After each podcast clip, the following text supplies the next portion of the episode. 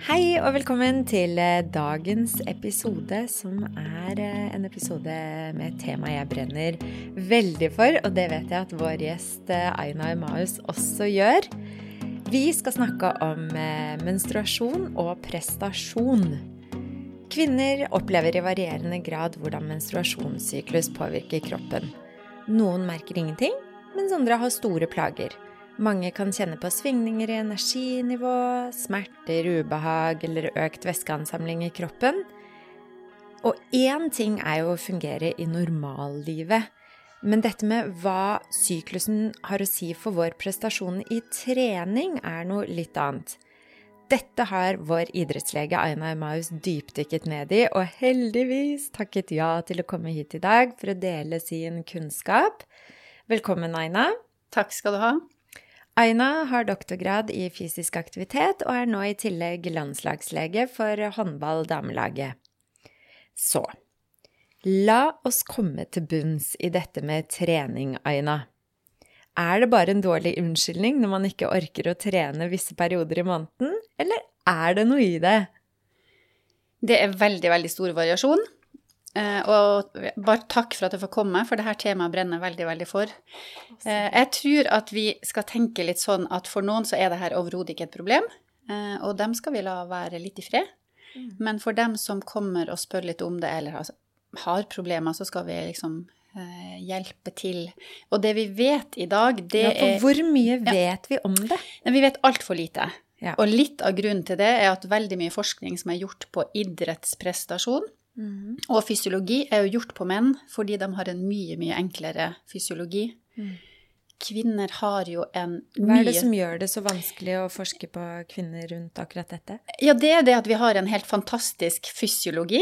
Sånn at vi har noen kvinnelige kjønnshormoner som svinger veldig gjennom en menstruasjonssyklus. Og en menstruasjonssyklus er jo eh, for kvinner i fertil alder Det betyr at man er i en fruktbar alder, sånn cirka mellom det høres helt forferdelig ut, men 12-13 år og opp til ca. 50 år, så har vi en menstruasjonssyklus. Da har vi en månedlig blødning, og da svinger de her kjønnshormonene veldig. Og det gjør jo at vi er litt vanskeligere å forske på enn menn som har et mye mer stabilt hormonnivå. Litt kjedeligere hos menn, mye spennende mer spennende hos kvinner. Spennende og utfordrende. Absolutt. Så derfor er det jo forska lite på damer og kvinner. Men det kommer veldig mye spennende for tida. Eh, og man prøver å få bedre studier med bedre kvalitet. For det som har gjort tidligere, har nok hatt ganske dårlig kvalitet fordi det er vanskelig å forske på. Ja. Ja. Så det vi vet om menstruasjon og prestasjon eller trening Vi vet jo at kvinner som har plager gjennom en menstruasjonssyklus, mm. spesielt har plager når man blør, altså de dagene man har menstruasjonsblødning, som vi sier er i starten av en syklus. Ja, for la oss bare sette ja. på en liten pause der, så skal vi komme tilbake til akkurat det. Ta for oss menstruasjonssyklus, for man tar jo litt for gitt at folk vet det, hva det er, men det er det jo ikke alle som vet. Eh, en menstruasjonssyklus, for de der hjemme som eh, måtte lure på hva er det egentlig, hva er dag 1 og hva er dag 14 og sånne ting. Menstruasjonssyklus regnes fra første blødende dag, det er dag 1 av din ja. menstruasjonssyklus, ikke sant? Det er helt sant. Og så kommer eggløsning rundt 14. dag. Ja. Og så bygger kroppen Og så blir vi enten befruktet, og da har kroppen gjort seg klar for å bli befruktet. Den eh, har skutt ut masse østrogen og gjør seg klar for å ta imot et barn og bære frem et barn. Og hvis ikke det skjer, så dropper denne østrogenen etter etter, eh, etter eggløsning, altså fra dag 14 og opp mot neste menstruasjon, som er ca. på en syklus på 28-30 dager. Litt mm. individuelt, det òg, men mm. da, da, synker dette østrogennivået. Eh, og av plager det kvinner måtte oppleve, da, er jo For østrogen er vel et sånt eh, superhormon, er det ikke det? Ja, det er det. Eh, og østrogen stiger jo veldig raskt frem mot eggløsning, som du sa. Mm. Vi har, når vi blør, altså helt i starten av syklus, da har vi lavt østrogen og progesteron, som er det andre kvinnelige kjønnshormonet som er av interesse. Mm. Ja. Så det er liksom de to vi følger med. Det er lavt når vi blør, stig, som du sier, fram mot eggløsning, og østrogen ser vi jo på som et opp oppbyggende hormon. Mm. Litt sånn som testosteron hos Helt menn, riktig. egentlig. Ja. Så den helt eh, fantastiske tanken, eller eh, hvis det hadde vært sånn at man kunne bruke perioder i syklus der vi har et høyt østrogen, til f.eks. å få bedre treningseffekt på styrketrening, Mm. eh, det hadde vært utrolig kult. Mm. Det vet vi ikke ennå. Eh, dessverre. Men man tenker jo fordi østrogen er et oppbyggende hormon, at perioden rundt eggløsning, sånn rundt dag 14 i syklus, da føler jo veldig mange kvinner seg mer på topp. Det er jo en periode vi på en måte skal lage barn. Eh, man føler seg kanskje klar for å lage barn, det betyr at vi er i form, det er da vi bør ha et jobbintervju, det er liksom da det er kanskje ok å ha en eksamen, det er da det er bra å ha en idrettskonkurranse. Fordi de fleste kvinner kjenner at det er den perioden i syklus man har det best. Åh, tenk hvis man kunne legge opp samfunnet og livet sitt egentlig litt etter syklus, hvor gode vi hadde vært eh, da. Det viktige jobbmøtet, eller sånn som du sier, den Ja. prestasjonen for idrettsutøvere. Hvis den OL alltid kunne vært sentrert inn på alles eh, eggløsningstid. Ja, det hadde vært utrolig kult, men samtidig så har det vært tatt OL- og VM-medaljer i alle faser av syklus. Så du Ja. kan gjøre det når noen jenter føler at man er på topp når man blør, og noen gjør det helt på slutten. Men de fleste i undersøkelser som er gjort, føler at de er midt i syklus, altså rundt eggløsning. Det er da man på en måte har best treningseffekt og presterer best. Det er det spørreskjemaundersøkelser viser. Eh, og- og så er det jo sånn at av norske kvinner så er det ca. 40% som bruker hormonell prevensjon. Ja, Og de har jo naturlig nok ikke en sånn syklus. Nei, ikke sant? Så vi må snakke om to ulike kvinnegrupper vi nå når vi Ja. snakker om prestasjon og menstruasjonssyklus. De som går på prevensjon, som egentlig har en litt sånn falsk syklus, Mm. og de som ikke gjør det. Ja, og så er det litt dumt å si at vi har den naturlige, flotte syklusen som det helt klart er, og en falsk syklus, fordi det er absolutt ikke noe galt å bruke hormonell prevensjon hvis grunnen til det er riktig. Eh, Men det er ikke sånn eh, at alle har denne syklusen. Alle har ikke humørsvingninger og PMS-plager. Fordi også av dem som da har en naturlig syklus, eller som ikke bruker prevensjonsmidler, så er det jo en del av dem som har forskjellige menstruasjonsforstyrrelser. Ja, altså kanskje fra 10 til 20% av den halvdelen som ikke bruker hormonell prevensjon. Så vi må prøve å holde tunga litt rett i munnen når vi snakker med utøvere, og for så vidt kvinner generelt. Ikke sant? Hvem er det som sitter foran deg? Ja. Så folkens, dette her er komplekse saker. Vi skal Ja. prøve I hvert fall jeg, du har jo stålkontroll på dette, Aina, men nå kjenner jeg at jeg må holde tunga rett i munnen her. Fordi sånn som du sier, det er nyanser, og vi har eh, egentlig ganske like hormonnivåer, kan ha, men vi reagerer helt ulikt på det. Eh, og så er det forskjellige indikasjoner til å få prevensjon eh, og ikke. Ikke sant? Eh, jeg tror ikke jeg skal bevege meg helt inn på det temaet, for det har jo vært et ganske stort tema nylig. Unge jenter som får prevensjon. Eh, en trend med influensere som eh, fremmer sin naturlige syklus, og så ser vi aborttallene har gått opp. Men det er et helt annet tema, men definitivt også noe som er veldig viktig å snakke om innenfor kvinnehelse. Men nå etablerer vi bare en sånn er det. Folk har eh, eh, Mange har prevensjon, og mange bruker ikke prevensjon. Hva er forskjellen på disse kvinnene når det gjelder prestasjon innenfor eh, idrett og deres sykluser? Så har man sett noe på det? Ja, man har sett på det. Man har gjort eh, noen store sånne review-artikler, eller en metaanalyse, hvor man har prøvd å sett på alle studier som er gjort på det feltet, og kommet fram til en konklusjon. Da er det noen studier hvis man, hvis man ser på det først, er det en fordel å bruke prevensjon eller ha en naturlig syklus i forhold til prestasjon. Så er det noen studier som viser at det er en fordel å bruke prevensjon, og noen studier som viser at det er en fordel å være naturlig. Åh, nå hadde jeg håpet på et sånt ja- eller nei-svar, og så kom finnes ikke. Nei.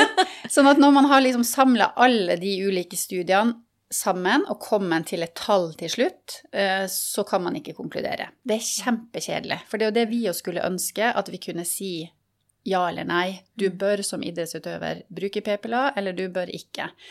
Eh, Men det som er, er jo at av de studiene som er gjort til nå, så har man jo, fordi vi har den her fantastiske syklusen, så har noen sagt vi tar 28 dager på alle. Det skjer jo ikke. ikke sant? Alle har ikke 28 dagers syklus. Alle har ikke eggløsning. Noen studier har hatt både p-piller og naturlig syklus inni. Så det er på en måte Det er ingen studier med høy kvalitet. Det er noen med moderat, og mange med lav kvalitet. Ja. Så akkurat i dag eh, så er rådet at vi ikke kan si det klare svaret, men vi oppfordrer alle jenter til å kartlegge sin egen syklus. Ja. Så i forhold til prestasjon, om du skal bruke eh, prevensjon. prevensjon. eller ikke, må være individuelt. Ja. I forhold til prestasjonene så er det jo veldig mange andre faktorer. Absolutt. Sånn som Aina sa tidligere. Jeg må bare presisere det, så vi ikke får noen eh, sinte folk på nakken som sier etterpå at eh, vi har sagt noe vi ikke burde. Dette gjelder Nå snakker vi om eh, prestasjon. Men la oss da ta for oss, for det er et kvinneliv Én ting er svingninger egentlig hver måned gjennom den fertile alder, som mm. du sa. Men vi er er jo også ganske forskjellige i ulike livsfaser. Mm. Eh, og jeg er veldig spent på, hadde håpet vi kunne ta en liten reise gjennom kvinnens liv, og hvor mye hun presterer tidlig i eh, puberteten.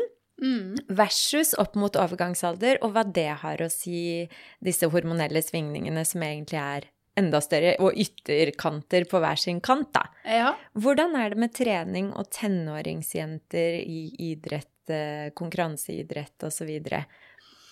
Ja, det, det, som er veldig spennende der, og veldig viktig for eh, helt klart helsepersonell, men også trenere, er jo at det skjer ekstremt mye gjennom puberteten. Mm. Både hos gutter og jenter. Nå snakker vi om jenter, og det at vi skal komme i gang med denne syklusen.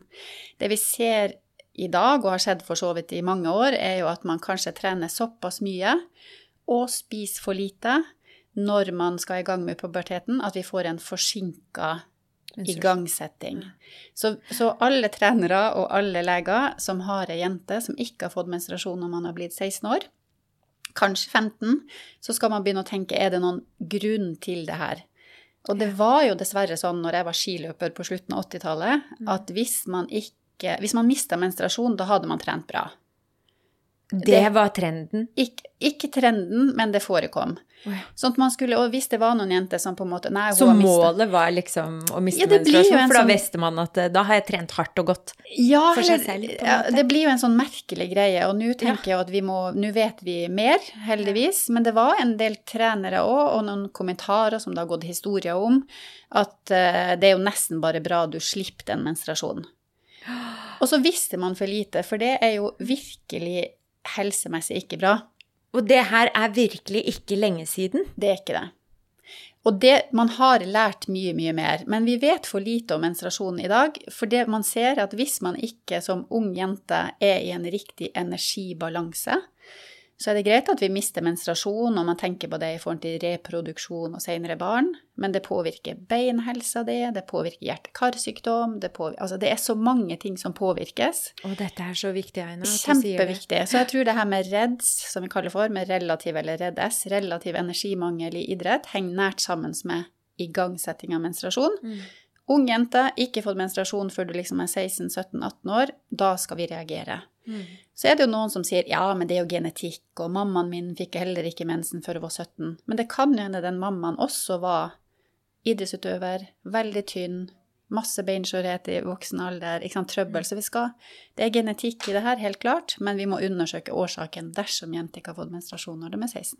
For det er definitivt en fordel å få denne menstruasjonen. Absolutt. Eh, og den beskytter oss for mange, mange sykdommer og tilstander senere i livet. Så det er en god investering. Det er ikke, det er ikke slik, eh, folkens, at eh, det å trene hardt og miste menstruasjon, eller spise så lite at du mister menstruasjon Husker jeg faktisk når du sier det selv nå, at vi også holdt på med på ungdomsskolen.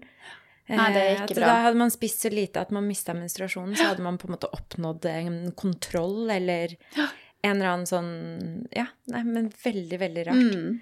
Så det bør man unngå av mm. mange grunner. Mm. Men dette er da tidlig i puberteten. Jeg mener også at jeg har lest en studie hvor når jenter kommer i puberteten rundt 13-14-15 års alder, at de presterer godt og utvikler seg egentlig på samme måte og presterer like godt som gutter og kan utvikle seg inn mot idretten, og så stagnerer de Mm. i noen år rundt pubertetsstart der, og før de kan jobbe seg videre oppover. Er det noe i det?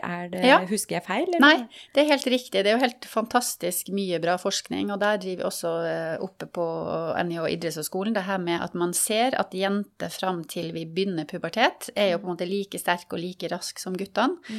Eh, og så kommer man jo i en periode hvor guttene bygger mer muskler, blir raskere, mens vi stagnerer litt. Ja. Eh, og det, hvis man ikke som trener eller foreldre er helt klar over det, så er det jo en stor psykisk påkjenning. Altså, og så irriterende for jenter at de plutselig ikke presterer like bra, eller man springer ikke like raskt som kompisen sin. Eh, og så slutter man, fordi man tror at man har blitt dårligere. dårligere. Ja, Men man er ikke det. Man må bare være litt mer langsom de årene. Og det er jo noen kloke trenere som har skjønt det, og som får jentene til å fortsette å bare ha fokus på litt andre ting. Mm. For man kan jo på pers, altså det med å løpe fort, kan rett og slett gå ned de årene. At du springer saktere. Og da tror man jo at man har trent for dårlig, eller at man har blitt mye dårligere, eller at man aldri kommer til å bli god. Mm. Men det er naturlig, og det må vi vite mer om. Mm. Så det er også i den igangsetninga av puberteten som gjør at vi blir forskjellige. Det er jo der kvinner og menn skiller seg. Det, det blir en kjønnlige, altså kvinnelige kjønnskarakteristika i forhold til mannlige. Ja. Vil på en måte starte da. Ja, vi starter da, og det følger oss jo videre inn mot eh, fertil, eh, fertilitet. Ja. Eh, hvor man da enten er i planleggingsfasen til barn, og det er jo ganske heftig for idrettsutøvere, for de må låne bort kroppen sin på en måte i ett eller to år da, med en graviditet og, og amming. Ja. Utsetter det kanskje så lenge de kan. Eh, men en pris å betale som ikke menn må betale inn mot eh, da toppidrettsutøvere og de som driver med idrett eh, veldig på høyt nivå. Ja. Em, og der kommer jo også dette med syklus inn, og det å skulle bli fertil og ikke stresse kroppen for mye. Noen opplever jo at de ikke blir så lett gravide. Mm. Em, og det om å trappe ned på trening. Det er mye mentalt arbeid når man har levd et helt liv i toppidretten. ja. Men hvordan er det med når man endelig da blir gravid? Eh, hva, hvordan affekterer det prestasjonen vår i trening? Hva bør man være forsiktig med? Og ja, egentlig, hvordan er det å være gravid og skulle trene? Det er også veldig individuelt, eh, og det viktigste her er jo at jenter og kvinner kjenner på kroppen sin, og hva man på en måte klarer. Og så må vi ikke komme dit at man skal komme så himla raskt tilbake, eller at du skal løpe til du er ni måneder på vei. Altså, det er bare dumt. Det viktigste man gjør når man er gravid, det er å bære fram det barnet. Eh, og så er det jo de fleste som er vant til å trene mye, fortsetter å trene mye hele graviditeten, og det går helt fint. Mm. Eh, Så vet vi ikke Det vi har sagt fram til nå, er jo at så lenge man ikke trener altfor høyintensivt, og ikke sånn kjempetung styrke med, med, med tanke på bekkenbunn når man nærmer seg slutten, så kan man stort sett gjøre det aller meste. Ja, for kroppen bekkenbunn og ligamenter og sener påvirkes jo også av hormonene våre. Absolutt. Og når man er gravid, så smøres på en måte disse senene det er derf- Eller det er ikke nødvendigvis bare derfor, men mange kan kjenne på at eh, leddene blir litt mer slarkete. Ja. Jeg husker jeg hadde sånn kjempeslarkete ankler, og bakhodet mitt beveget seg plutselig fra festet. Det føltes ut som det var helt sånn løst. Men det har jeg jo lest at det er jo bare hormonelt fordi du skal ha myke Ja. ledd og sener som kan bøye og tøye og utvide seg når denne fødselen setter i gang. Det er jo en fantastisk kropp at vi er laga sånn at det er mulig, men det er klart òg det vil påvirke, påvirke oss. Sånn at det er viktig da å tenke stabiliserende trening, og at man bruker hodet. Og at man er litt mer utsatt for skader ved tungløft og Ja. litt sånn som du snakket om. Ja, så jeg tror at eh, det går helt fint. Det som jeg syns er veldig kult i dag, er at før var det nok litt sånn at når du drev med idrett som kvinne, så måtte man legge en plan for når man skulle få barn, for da skulle man legge opp. Det er det slutt på. Det er fullt mulig å drive toppidrett også etter at man har fått barn, hvis man vil det. Så man prøver ikke fullt mulig. Det er i hvert fall lettere enn det det var. Ja. Eh, og det, det er tenker jeg er ganske viktig for likestillinga, at vi skal Ja, ha muligheten til det. Og en del, i hvert fall i forhold til en del idretter, så ser man at man kanskje trenger mange flere år. Så man kanskje er på topp mot slutten av 20-årene, mens guttene kanskje piker rundt par og 20, så er vi rundt 28 når vi kanskje på løp inn. Litt ulike teorier her, men jeg tenker at det er viktig at man ikke som kvinne stresser på å gjøre seg ferdig med toppidretten til man er 25, mm. men kanskje roe ned noen år. Og, ja, det her vet vi litt for lite om, men det er et spennende felt, og jeg tror at vi skal tenke at man kan drive med idrett, ikke bare toppidrett, men idrett hele livet. Og ja. tilpasse det syklus hvis man trenger det, og tilpasse ja. det graviditet hvis man trenger det. Og senere i livet så kommer vi jo da også etter graviditet, så er det noen gode år med barn og harmoni i småbarnslivet. uh, inntil man uh, går inn i overgangsalder som ja. kvinne. Og hvordan, For da også dropper jo østrogenet, dette superhormonet mm. vårt. Hvordan opplever du som jobber med kvinner og trening, at eh, de presterer da? Eller hva, hva gjør det med treningsinnsatsen? Nei, det vet vi jo altfor lite om, fordi at det er forska for lite på akkurat hva det gjør med treningseffekten, og om man eh, Altså, vi sier jo at vi kan bygge muskulatur hele livet. Så tenker man jo at når da østrogen går ned, at man bygger litt vanskeligere muskulatur. Mm. Men det er jo gjort studier på 90-åringer som bygger muskulatur, så det må vi alltid holde fast på, at trening hjelper uansett alder. Ja, det er fantastisk. Men jeg tenker jo at det som kanskje skjer, er at man kan Altså her igjen som med menstruasjon. Noen har mye plager i overgangsalder, eh, og det må vi snakke mer om. Eh, men noen har ikke så mye plager. Eh, og det må være helt greit. Men jeg tror det finnes både medikamenter man kan bruke, men det er også gjort studier som viser at fysisk aktivitet virker på de fleste plager i overgangsalder. Mm. Eh, så fysisk aktivitet brukt som medisin i riktig dose. Vi må dosere også aktivitet riktig. Vi skal ikke ligge på sofaen, vi skal på en måte ikke løpe altfor mye, men mm. din, din, dose er viktig. Mm.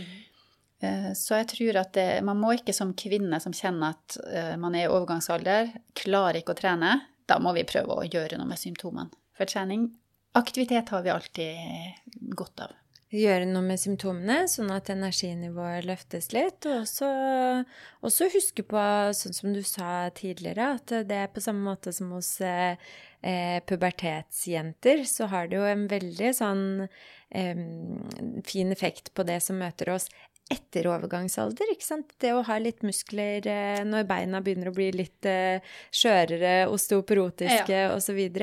Det er en kjempefordel også for hjerte-karsykdommer, og spesielt det livet vi lever nå med ekstremt stressnivå som mange opplever gjennom karrierer osv. Det, det, det, har så god effekt ja, ja. på så vanvittig mye. Men det er jo klart at det, gjennom livet, når det er så store svingninger, så vil man jo også ha ulik For mannen i gata, da, de som driver med idrett, eh, toppidrett, er jo en egen klasse. Men for, hvis du skal løfte det ned til Eller kvinnen i gata. Mm så vil det jo være perioder, sånn som du sier, at man stagnerer i tenåringsalderen og kanskje syns det er vanskeligere å finne motivasjonen til å trene regelmessig. Eh, og så har man kanskje et svangerskap som er tøft, og en bekkenløsning som gjør at man ikke beveger seg så lett, og da er det jo også vanskelig, må man trene på en annen måte. Og så kommer overgangsalderen mm. eh, og innhenter oss med litt energitap og litt vonde muskler og mm. sener osv., som, som også gjør at vi må ta en ny runde. I tillegg til å ta en runde på hver måned og de, de svingningene som følger oss gjennom disse årene. Kan vi ikke snakke litt mer om For nå har vi tatt på en måte en reise gjennom kvinnelivet. Mm. Men tilbake til konkret syklusen, den måneden fra første menstruasjonsdag til neste menstruasjon og alt det som skjer, som vi snakket om litt innledningsvis. For hva viser forskning der? Eh, å bygge muskler Mm. Eh, er det sånn at vi bygger lettere muskler de to første ukene av syklus enn de to siste? Det vet vi ikke. Det vet vi ikke. Og det er jo det som er så kjedelig, som vi kanskje drømmer om å kunne si. Eh, men foreløpig så vet man ikke det. Men, så det, det meste av forskning som skjer på dette området nå, ender opp med, det er å anbefale jenter idrettsjente å kartlegge sin syklus. Fordi at hvis man vet at eh, ok, når jeg blør, så kjenner jeg meg sånn. Um, I midten av syklus kjenner jeg meg sånn. På slutten kjenner jeg meg sånn. Så er man mer forberedt, og man kan på en måte periodisere sin trening etter syklus Ja. individuelt. Og da er det anbefalingene vi gir, er jo gjerne at i løpet av de tre månedene som kommer nå, kartlegg syklusen din. Ok, skriv ned når blør du, eh, hvordan er kroppstemperaturen, når har du best treningseffekt, har du ryggsmerte, magesmerte, kjenner du deg på topp? Mm. Eh, altså det er mange ting man kan gjennom den syklusen skrive ned i en kalender. Man kan bruke forskjellige apper som er laga for det her. Du kan bruke temperaturmåling eller eggløsningsmåling. Det er jo mange måter du kan sjekke hvor er man i syklus. Hvis man da finner ut at ok, nå kjenner jeg meg sjøl såpass godt at jeg vet at neste uke, når jeg egentlig hadde planlagt kjempetung styrke eller en fire ganger fire intervall, da er det kanskje min dårligste dag i syklus. Ja, men da gjør man ikke det. Mm. Eh, Eller man da vet at neste helg er det norgescupløp eller en viktig kamp, eh, og jeg vet at da kommer jeg til å blø. Da kan man jo kanskje ta medikamenter for smerte. Man kan bruke en varmeflaske. Altså, det spørs hva som passer. Man kan utsette menstruasjonen med tabletter. Mm. Men man bør ikke gjøre de tingene første gang i en viktig konkurranse. Nei. Så jeg bruker å anbefale idrettsjenter til å Ok, hvis du tenker at du kanskje i løpet av en sesong vil ha behov for å utsette min menstruasjon, Mm. så gjør jeg det en gang utenom konkurransesesong. Så blir jeg vant til hvordan reagerer jeg på de medikamentene. Um, og det er ikke det at jeg skal overmedikalisere menstruasjonssmerte, men man, det fins ting som funker, Ja. og det må man på en måte kjenne litt til. Ja, og det, der tror jeg du er inne på noe veldig, veldig viktig. Og det gjelder jo også overgangsplager og egentlig alt i et kvinneliv. Vi er ekstremt gode på å tilpasse oss og finne oss i ting. Mm, mm. Eh, og det trenger vi ikke, fordi livskvalitet er også helse. Det er viktig for den totale helsen. Og det å gå rundt og halte og ha kjempevondt fire-fem dager i måneden bare fordi man skal være naturkvinne og stå i det, man trenger ikke det. På samme måte med hormonbehandling etter overgangsalder, Ja. som vi snakket om Ja. før Ja. episoden i dag. At det, det, det, det er så utrolig mange hvor det sitter igjen, og hvor man skal presse seg gjennom ting, og man har kjent på svangerskap og kommet seg gjennom det og tenker at da kommer jeg meg gjennom alt. Men man trenger ikke det. Nei. Og jeg tror Altså, det er jo den, det med dysme når det gjelder smertefulle menstruasjonsblødninger, som er helt vanlig. Eh, hos noen i større grad enn hos andre. Det fins jo ulike ting man kan gjøre for å få det bedre. Eh, og da må vi snakke om det. Det er jo idrettsjenter som ikke sier til treneren at de har på en måte eh, menstruasjonssmerte fordi de er redd for å bli satt på benken. Eh, altså vi må si at det her, ok, det er kanskje 12 til ja, to-tre dager, kanskje på det meste varer det. De fleste, det er over, de verste smertene er over i løpet av et døgn. Så man kan si ok, jeg har en viktig kamp i morgen, skikkelig vondt. Ja, men slapp av. Det her kommer nok til å gå bra. Ta en Naproxen. Jeg anbefaler heller å bruke NSIDES enn Paracet. Mm. Altså ta en Naproxen-tablett.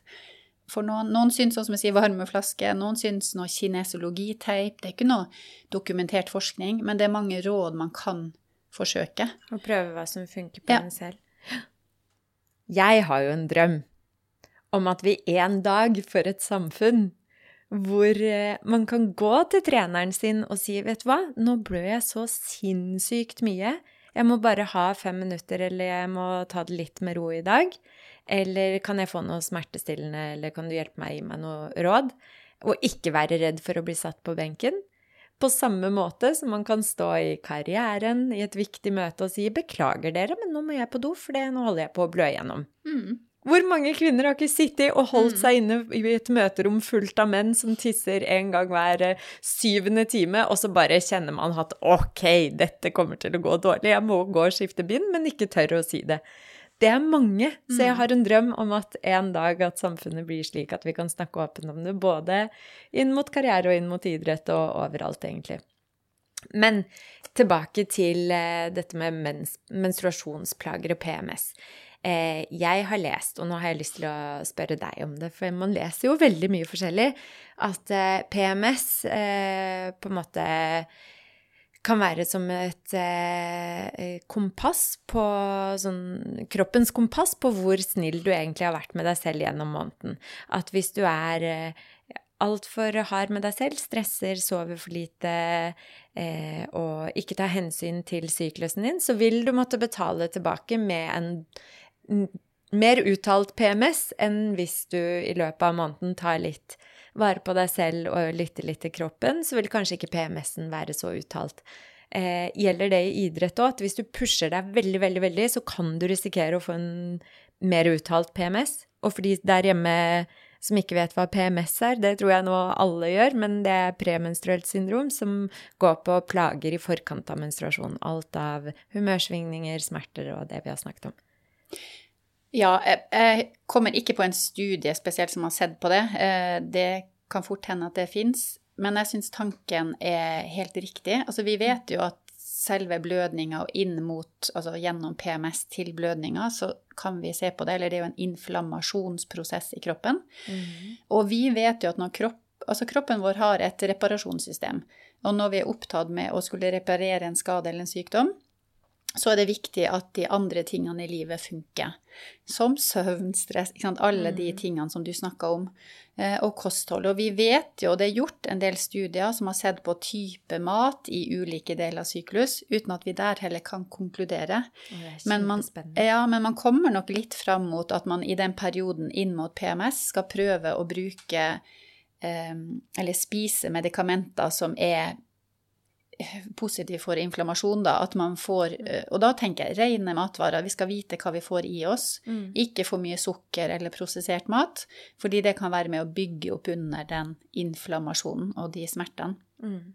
Så jeg, jeg, tror helt klart at det er noe i det, fordi vi må se på hele mennesket. Mm. Eh, og hvis du har drevet litt hardkjør på deg sjøl, både treningsmessig og livsmessig, fram mot mm. PMS, så blir det verre. Mm. Ja, etter de årene vi har med erfaring på det, ja. Det... Ja, så det også er jo en sånn, et fint måleverktøy da, til de kvinnene der ute som er glad i trening. Alt fra hverdagstrening bare for å holde seg litt i gang, til toppidrettsutøvere. At når de skal kartlegge syklusen sin, eh, så er jo det også et verktøy å se på hvor ille er PMS-en min nå. Ja. Og så bevege seg tilbake. Hvor mye har jeg, har jeg overtrent? Har jeg vært kjip med meg selv på andre måter gjennom denne måneden? Ja. ja. Og så må vi huske på at livmora, altså det her fantastiske organet nede i bekkenet, er en stor muskel. Eh, mm. Sånn at når den får en muskelkrampe, så er det klart det er vondt. Mm. Eh, og, og, muskulatur mm. har godt av aktivitet. Ja. Sånn at selv om man kanskje ikke skal trene altfor hardt, så skal vi Det anbefales aktivitet og blodgjennomstrømning hvis man har vondt, eh, fordi det kan være en behandling av menstruasjonssmerte. Mm. Få inn friskt blod og ta ut ja. eh, alle prosesser som gjør at jeg ikke har det så godt. Ja. Nei, det er Og med det så te, Altså, jeg kunne sittet her og snakket med deg om dette i dagevis, Aina. Men Sondre ser på, ser på, oss og ser på klokken og rister på hodet over at vi allerede er på overtid. ja, vi skal alle videre i et nytt Vi skal alle videre i et nytt møte, det stemmer. Men, så jeg tenker at vi akkurat med det avrunder for i dag. Og så håper jeg at du kommer, har lyst til å komme og prate med oss igjen. Du har jo så mye spennende og klok kunnskap til, eh, til oss. Um, så for å avrunde dagens episode, så har jeg bare lyst til å eh, si at eh, kvinnekroppen er kompleks. Det er ingen eh, klare svar, men det viktigste, sånn som Aina sier, som virkelig har forsket og satt seg inn i dette eh, virkelig, bli kjent med kroppen din og spill på lag med den. Det er på en måte din aller viktigste lagspiller når du skal eh, spille på lag med andre eller spille mot andre, eller hva enn du har lyst til å gjøre. Eh, men det er jo et faktum at eh, eh, syklusen kan påvirke treningen din. Og treningen kan påvirke syklusen. Ja. Det syns jeg er veldig interessant. Jeg gleder meg til videre forskning der.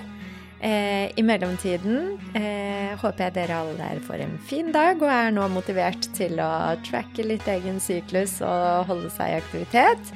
Tusen takk igjen, Aina, for at du kom, og tusen takk til alle dere der hjemme som lyttet på oss. Og så høres vi neste uke. Ha det fint! Ha det.